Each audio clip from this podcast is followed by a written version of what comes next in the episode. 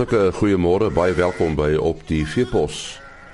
Ons praat vanoggend met 'n uh, top 'n uh, dorper boer en uh, ons praat met hom terwyl hy in Brasilië is. En dan is daar 'n uh, bydrae oor die Cernik karkas kompetisie. Ons uh, gesels met Handrey van Wyk van die Nuwe Rust dorperstoet wat op die oomblik in Brasilië is. Uh, wat doen jy op die oomblik in Brasilië, Handrey? Nee, ek is besig hierso ehm um, met 'n uh, workshop wat hulle dit noem waar ons ehm um, 'n klomp tegniese aspekte van die dorperskaap aan die Brasiliaanse teelers leer. En uh, ek het ook 'n skou beoordeel, die Atibaia skou ehm um, hierdie vorige naweek. So mense moet aflei dat daar ook dorper uh, skape in Brasilië is. Die dorper is besig om die wêreld oor te neem, hulle is al in verskeie baie lande. Is dit die eerste maal dat jy daar uh, optree? Uh nee, ek ek kom so elke 3 na 4 maande result toe om uh, by die kliënte te kom werk. Goed, Andre, kom ons praat 'n bietjie oor jou uh, jou eie stoet. In watter omgewing boer jy? Uh ek boer net buite uh Kenhardt. Ehm um, so 30 km buite Kenhardt en so 65 km buite Appington. Ehm um, ja, boer ek op die plaas nie meer is. En en hoekom het jy op op die dorp besluit? Ehm um, ek wou altyd speel my hele lewe lank en uh omdat ons maar van die Appington omgewing oorspronklik af is, het ek te besluit ehm um, om maar daar naby Appington iets te doen en daar kan jy maar eintlik net met 'n dorp boer en uh, en sodoende dat ek uh, op Nieuwebrug is gevestig. Dis 'n tamelike harde wêreld, nê? Nee? Ja, dis 'n baie harde wêreld, maar as jy na hom kyk, sal hy mooi vir jou sorg. Hoe groot is jou stoet? Ek het die stadium so uh 1500 uh oeye, uh waarvan daar so 1200 oeye is wat in produksie is. Um die ander 300 uh plus minus is is nog jong oeye wat eers later in die jaar gepas gaan word. Nou tydens die dorper wêreldkampioenskappe toe wat op Predas dorp aangebied is. Het jy nogal heel goed gedoen. Vertel ons 'n bietjie watter prestasie het jy behaal? Ja, ek was aangewys as speler van kampioene. Uh dit beteken ek het die meeste kampioene op die skou gehad en uh ek was speler met meeste punte. Uh jy kry vir elke plek wat jy kry by die skou kry jy kry jy punte en uh natuurlik jy ou by die meeste plekke behaal en die meeste punte. Uh ek het ook onderskeidelik die uh SA en wêreld junior kampioen en reserve junior kampioen ooit gehad. Die wêreld senior kampioen ram en die wêreld reserve senior kampioen ram en dan ook die wêreld reserve junior en wêreld reserve groot kampioen ram. Nou die feit dat jy 'n graad in genetika het wat jy aan die, die Universiteit van Stellenbosch verwerf het, dink jy dit dra by tot jou sukses?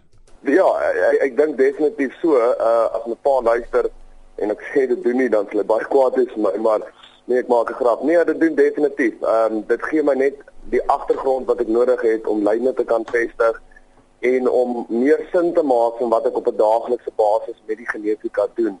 Ek dink daar's soveel komponente wat 'n mens se sukses bepaal en uh die genetiese agtergrond wat ek het dra definitief by.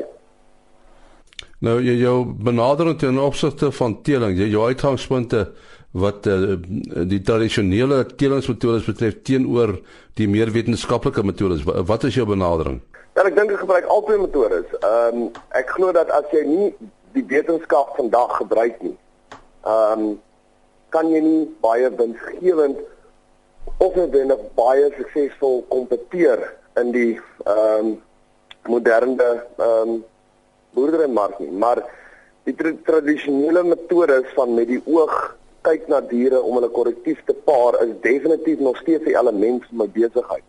So ek gebruik nog tradisionele metodes om ehm um, weet om om om om korrektiewe parings te doen, maar ek begin baie strenger die wetenskap inbring.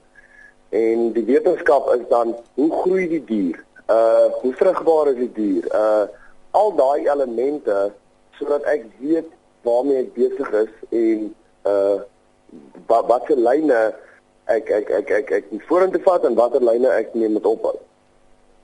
En en watter reproduksie metodes gebruik jy, Andre? Ek gebruik uh op die stadium eintlik maar net ehm um, die, die die gewone drie metodes. Die eerste een is natuurlike paring. Ek gebruik natuurlike paring op my jong oetjies. Ehm um, dis vir my kardinaal van belang dat dat dat, dat hulle weet binne 6 weke moet dragtig geraak. So ek ek doen niks artifisieel hulle nie. Gele ram, hulle moet 6 weke binne 6 weke dragtig wees en dis wat nie is nie uh is daarmee heen. Dan gebruik ek ehm um, laparoskopiese inseminasie. Ehm um, ek doen dit op my groot oeye en die rede daarvoor is ehm um, dit maak my bestuur weet op op op op, op 1500 oeye net, net hanteerbaar. Ehm um, die oeye lam binne 3 dae uit en weet so so kan ek actually 'n bietjie dan die ding bestuur en dan uh, doen ek ook nou en dan embrio spoelings waar ek van my top oeye vat embrios uitlei spoel en dan in gewone skaap implant om die, om die, om die lammers weet om die embrio te dra en dan wel die lam groot te maak. Ja, ek vra maar vir al die skaapboere, het julle ook probleme met predasie in daardie omgewing? O, o, o ja, ons het definitief ons het eintlik net predasie met met die rooi jakkals. Ehm um, dit dit is ons grootste probleem. Uh ons het wel geelektrifiseer en uh ons ons probeer die diere uithou, maar maar maar die rooi jakkals is nog vir ons moeilikheid. Jy het nog nie die lamhok opsie uh, gekies nie kyk die die lamhok opsie is definitief ehm um, 'n sekere dele van Suid-Afrika 'n baie goeie manier om 'n kudde te bestuur, maar die probleem vir my is ons boer met 'n dorper en 'n dorper is 'n ekstensiewe skaap en hy moet kan loop en kan lam daar buite. En al al sê ek baie keer, "Jesus, dit sal my lewe so baie makliker maak want as met die lammetjies plate goed." Hywer ek en dink ek sal ek dit nooit doen nie, want ek moet die skaap se uh, moedereienskappe ook bevorder en ek kan dit net doen deur hulle so natuurlik as moontlik te laat reproduseer. Nou net weer terug uh, na jou besoek aan uh, Brasilië. Waar in Brasilië is jy? Ek is op die stadium um, in 'n stad met die naam Balinos. Dit is so 'n uur se ry uit Sao Paulo uit. Ehm um, en ek is hier op 'n plaas uh Interlagos uh waar ek op die stadium besig is om voorbereidings vir Saterdag se workshop te doen. En en uh die ouens groot stoeterye daar, groot uh, dorperstoete. Ja, die die die die, die ouens se stoeterye is nie so groot nie, maar die kwaliteit is baie hoog, so hulle hulle is uh ewig kompeterend. Ehm um, die die ouens sit so tussen 100 en en 250 ehm um, oeye by elke stoet. Uh hulle draagkrag is so uh 50 skaap op 'n hektaar. So dis kleiner plase wat uh, meer intensief bestuur word en ehm um, ja, maar die skaap is baie mooi. Ja, ons sê baie dankie aan Andre van Wyk van die Nuwerus Dorperstoet en ons het dit met hom gepraat in Brasilië waar hy besig is met 'n werkswinkel vir dorpers. En nou skakel ons oor na Isak Hofmeyer wat meer gesels oor die Cernik karkas kompetisie. Isak Ek sit hier by Patrick Sekwatla Kwatla by die Cernik groep se veilingkompleks hier naby Edenwil. Ons het pas 'n uh, boeredag gehad, uh, die eerste fase van 'n karkaskompetisie en Patrick is onder andere verantwoordelik vir die corporate social investment program van die Cernik groep. Nou Patrick in die eerste plek ehm um, jy kan Engels praat, ek praat Afrikaans. Gee die agtergrond van hoe wat vandag hier gebeur het. Well, today it is uh the, it was the upcoming farmers carcass competition. What is happening? The upcoming farmers bring the animal to the custom feeding. When the animal are ready to be slaughtered, we take them all to the carcass competition. The aim of the carcass competition is to encourage them to practice livestock improvement, that they can buy quality bull, and with quality board they can be able to produce quality winners. En die mense wat deelgeneem het, lei ek af kom van eintlik oor die hele land, oor oor die hele Vrystaat in elk geval. The people that were the participant here today, uh they coming as far as Gauteng, Free State, all all parts of uh, Free State. Some of them they coming from the side of Mpumalanga as well. Jy vir ons 'n paar opmerkings maak oor die kwaliteit van die diere wat jy ontvang het? Look, uh, because it was for the first time, it was the first upcoming farmers carcass competition. Some of the emerging farmers they're still, you know, farming with uh, uh, inbreeding uh, livestock. Then today is a learning lesson to them that they must go back and revisit their farming activities and be able to buy the, you know, quality bull to produce quality winners. Since well, they've seen today, we believe that they're going to come back next year with quality winners because they will be able to buy quality bulls to produce quality winners. What happened today is it was a learning curve to all the emerging farmers. Some of the animals were very, uh, you know, they were not good. They were not impressing at all. They were sort of like, impre- uh, what do you call it, uh, uh in breeding. But all in all, then we are very impressed with the animal. Die mense wat hulle hulle diere ingeskryf het die boere uh verduidelik so 'n bietjie gee vir so 'n bietjie 'n beeld van hoe lyk so 'n tipiese boer? Waar boer hierdie ouens? Most of the farmers that participated at our carcass competition there is the farmers from the common age.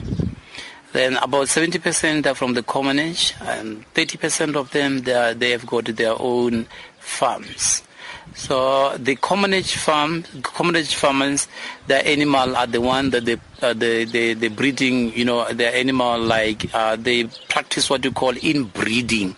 So the those other farmers with the lease agreement farms, then they're doing very very well, but they still have to push it to happen so that they can really be able to produce quality winners in the near future.